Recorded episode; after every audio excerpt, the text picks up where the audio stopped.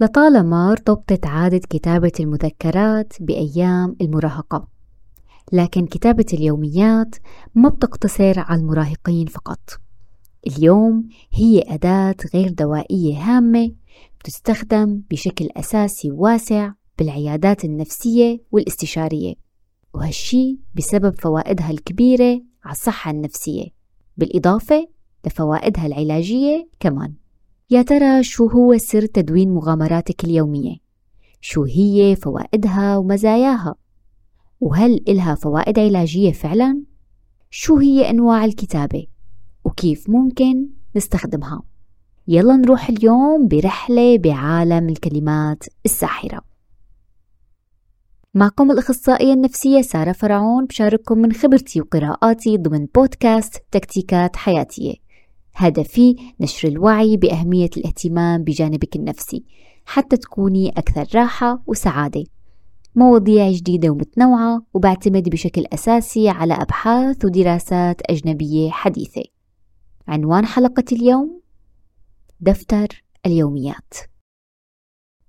لما كنتي بسن المراهقة غالبا كنت بتحتفظي بدفتر مذكرات ملون وعليه رسمات حلوة. ممكن تكوني حصلتي عليه كهدية بعيد ميلادك أو ممكن أنت اخترتيه بعد ما عجبتك رسوماته الجميلة. بالرغم من أنه يمكن يكون دفتر مذكراتك معه قفل ومفتاح صغير هالشي ما منعك إنك تخبيه تحت السرير أو المرتبة يلي بتنامي عليها.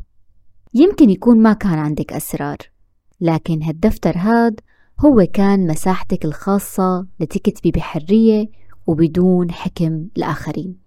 لتفرغي كل شي عم يدور بذهنك ولتسألي كل الأسئلة يلي عم تدور براسك ويلي مالك ملاقية جواب إلها. بمرور الأيام والسنوات ومع دخول الجامعة يمكن تكوني توقفتي عن كتابة مذكراتك. يمكن بسبب الانشغال بحياة الراشدين أو ممكن تكوني شعرتي أنه صارت عادة طفولية حتى لو توقفتي عنها. فوائد هي العادة الرائعة رح تلاحظي إنها ما زالت موجودة بحياتك لحد الآن. اليوم اسمها دفتر اليوميات أو journaling وهي ببساطة كتابة أفكارك ومشاعرك لحتى تفهميها أكثر وتصير واضحة عندك بشكل أكبر. بدراسة قام فيها مجموعة من أطباء النفس ونشرت بمجلة الشخصية وعلم النفس الاجتماعي أو Journal of Personality and Social Psychology. أشارت لأنه كتابة اليوميات يمكن أنه تساعدنا بقبول الأفكار يلي عم تدور بذهننا بدل الحكم عليها. وهالشي له دور بتقليل المشاعر السلبية الناتجة عن الضغوط. فوائد الكتابة ما بتنتهي هون. الكتابة إلها فوائد كتير كبيرة. أول فائدة للكتابة هي تعمل على تقليل من القلق والتوتر. غالبا منقلق أو بنتوتر بسبب وجود أفكار ما عم نقدر نتخلص منها. الكتابة بتساعدك على تنظيم هي الأفكار وتفريغها. وبتساعدك كمان إنك تنظري لإلها بموضوعية وواقعية أكثر وتوجدي طريقة للتعامل معها. بتساعدك كمان على تحديد محفزات هي الأفكار والأشياء اللي بتزيد عندك التوتر فبالتالي ممكن تحسن من حالتك المزاجية بشكل كبير. ولهيك ممكن الكتابة تساعد الأشخاص اللي بيعانوا من التفكير الزائد بشكل كبير. فالكتابة بتخلينا ننظر للأفكار بدل ما نغرق فيها. وهيك ممكن تكون طريقة رائعة جدا لتشتيت الأفكار السلبية. وبالإضافة لهالشي الكتابة بتساعدك على التعامل مع الضغط والأحداث الصعبة. من سنوات كنت منتقلة لبلد حديثا وكنت كتير مشتتة. ومالي عارفة شو أعمل شو أشتغل من وين أبدأ حتى ما كنت عارفة كيف بدي أعمل وسط اجتماعي. سافرت وما بعرف حدا أبدا بهديك البلد. الكتابة كتير ساعدتني بهداك الوقت. كنت أكتب كتير. أكتب الأشياء اللي زعجتني. أكتب دائما خطط مجموعة حلول لتساعدني أتعامل مع هالظرف اللي أنا فيه. وبالفعل كان تأثيرها رائع جدا على صحتي النفسية. الكتابة كمان بتساعدك بتنظيم المشاعر. أحيانا بتكون الصدمة أو المحنة اللي مرأة فيها أصعب من إنك تتقبليها بسهولة. وهالشي بيأثر على مشاعرك وبيخليكي ضايعة ومالك عارفة أنت أصلا بشو شعرة. التعبير عن هي المشاعر أو عن هالحدث الصادم بيكون صعب.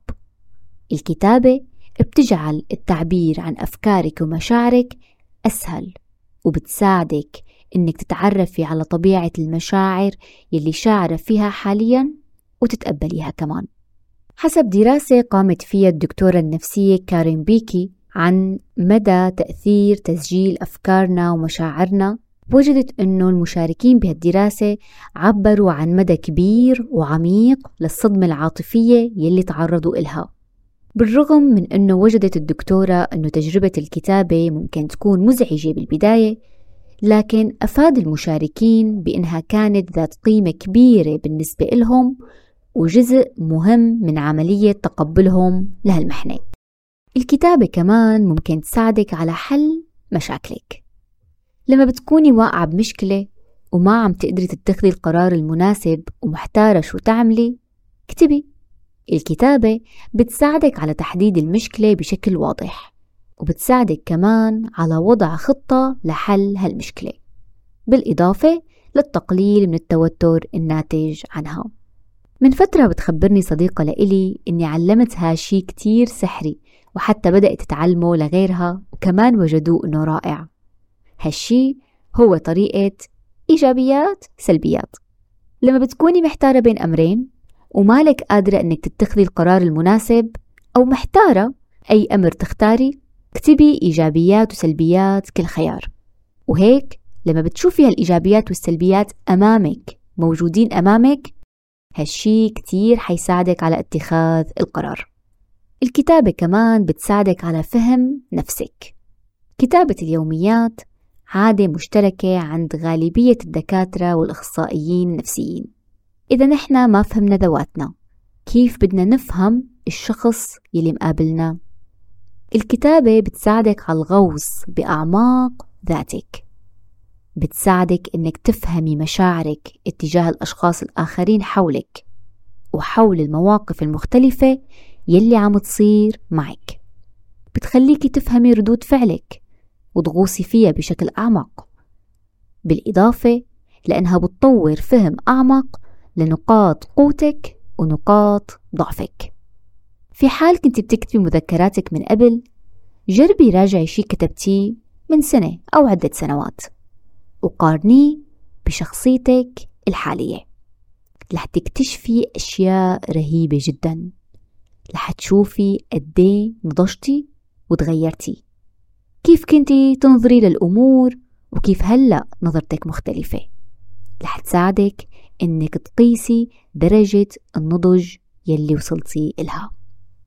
بتساعدنا الكتابة كمان على تحقيق أهدافنا. الفعل الجسدي المتمثل بتدوين الهدف بيخليه يتمتع بمزيد من الواقعية وبيحفزك أكثر على تحقيقه. فبتقدري تستخدمي الكتابة مو بس لصياغة أهداف محددة بل لمراقبة تقدمك بتحقيق هي الأهداف. وتذكري أن الطريقة الشهيرة سمارت لكتابة الأهداف أحد خطواتها هي أنه يكون الهدف مكتوب. من أحد فوائد الكتابة إنها بتقوي مهارات التواصل عندك.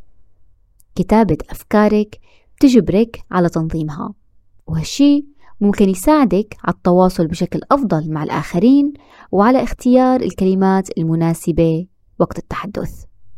يمكن أغلب الفوائد اللي حكينا عنها بتتعلق بصحتنا النفسية. أغلب الفوائد اللي حكيتها هلأ تقتصر على جانب الصحة النفسية. لكن خطر لك من قبل إنه الكتابة ممكن كمان يكون لها تأثير على صحتك الجسدية؟ ما بتقتصر أهمية الكتابة على تعزيز الصحة النفسية بل بتمتد لتعزيز صحتك الجسدية. ببحث قامت فيه الدكتورة النفسية كارن بيكي والدكتورة كي ويلهم وجدوا أن الكتابة مرتبطة بالعديد من الفوائد الجسدية المعرفية والعاطفية مثل انخفاض ضغط الدم تحسين وظائف الرئة والكبد قضاء وقت أقل بالمستشفى مزاج أفضل انخفاض بالتغيب عن العمل. بدراسة حديثة أجراها الدكتور سينغ وزملائه وجدوا أن الوقت اللي بنقضيه بكتابة يومياتنا وخاصة حول الأفكار والمشاعر العميقة ممكن يقلل من عدد الإجازات المرضية في حال كنا موظفين. تخيلوا. حتى في حال فقدان الوظيفة بتخلي الشخص اللي بيكتب يقضي وقت أقل بدون عمل. وبالإضافة لكل هالشي درجات الطلاب يلي عندهم عادة الكتابة بتكون أعلى بالنسبة لباقي الطلاب. تخيلوا فوائد الكتابة ما بتتوقف هون. أوف! لسه في كمان فوائد صحة نفسية وصحة جسدية وبالنسبة للعمل والموظفين والطلاب كمان. شو في لسه كمان؟ طبعا الكتابة ممكن يكون لها كمان فوائد علاجية لبعض الاضطرابات النفسية. بنفس البحث السابق للدكتورة كارين وكي وجدوا أن الكتابة طريقة فعالة بعلاج الأشخاص اللي بيعانوا من القلق. وهالشي بسبب فوائد الكتابة بقبول المشاعر السلبية. وبالإضافة لهالشي وجدت الأبحاث أن الكتابة وقائمة الامتنان بشكل خاص ممكن أنه تقلل من أعراض الاكتئاب. وهالشي بيجعلها أداة فعالة للمصابين بالاكتئاب إلى جانب تلقيهم العلاج المناسب. يلي ما بيعرف قائمة الامتنان ممكن يسمع حلقة الامتنان لحتى يتعرف أكثر على هالطريقة.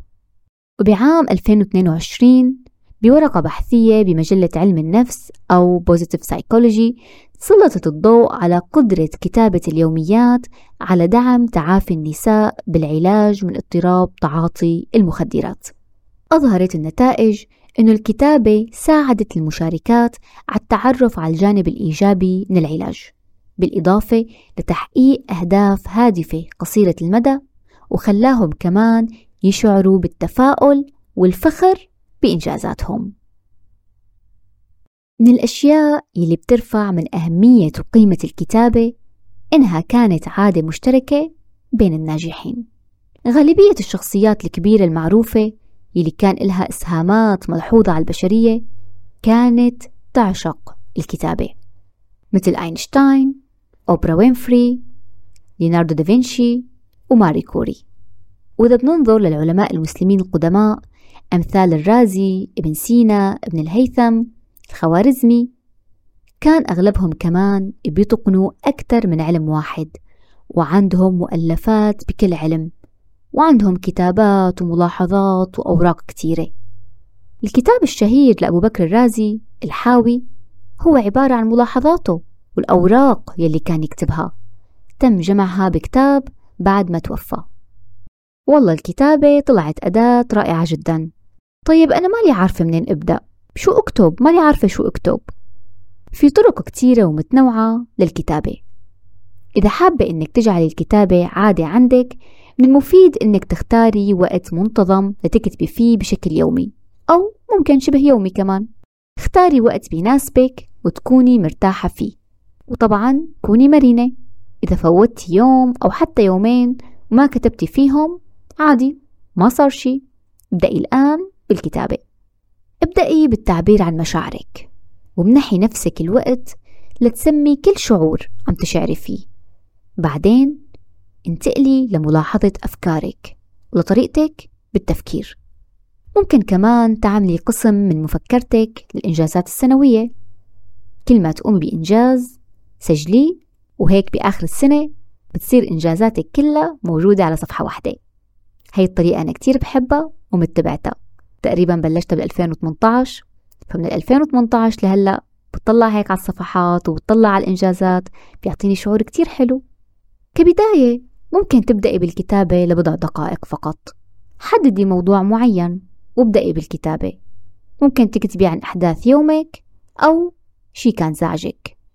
أحيانا لما بتكوني عم تكتبي عن شي مزعج ممكن تشعري بالضيق. هالشي طبيعي. يمكن لأنك ما اعترفتي أو عبرتي عن هالشي من قبل. في حال صار معك هيك ممكن تاخدي استراحة قصيرة من الكتابة. وتذكري دائما إنه هي اليوميات اللي عم تكتبيها خاصة فيكي انتي لهيك ما في قواعد بالكتابة وما في طريقة صحيحة ولا طريقة خاطئة. هي اليوميات إلك انتي فقط ومو ضروري أصلا حدا يعرف فيها حتى. ولهيك اختاري الوسيلة اللي بتناسبك.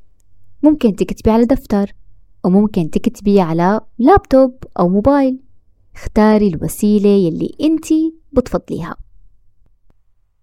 وأثناء رحلتك بالكتابة في بعض الأسئلة العميقة ممكن تساعدك كتير بإنك تتعرفي على أشياء موجودة بأعماق ذاتك.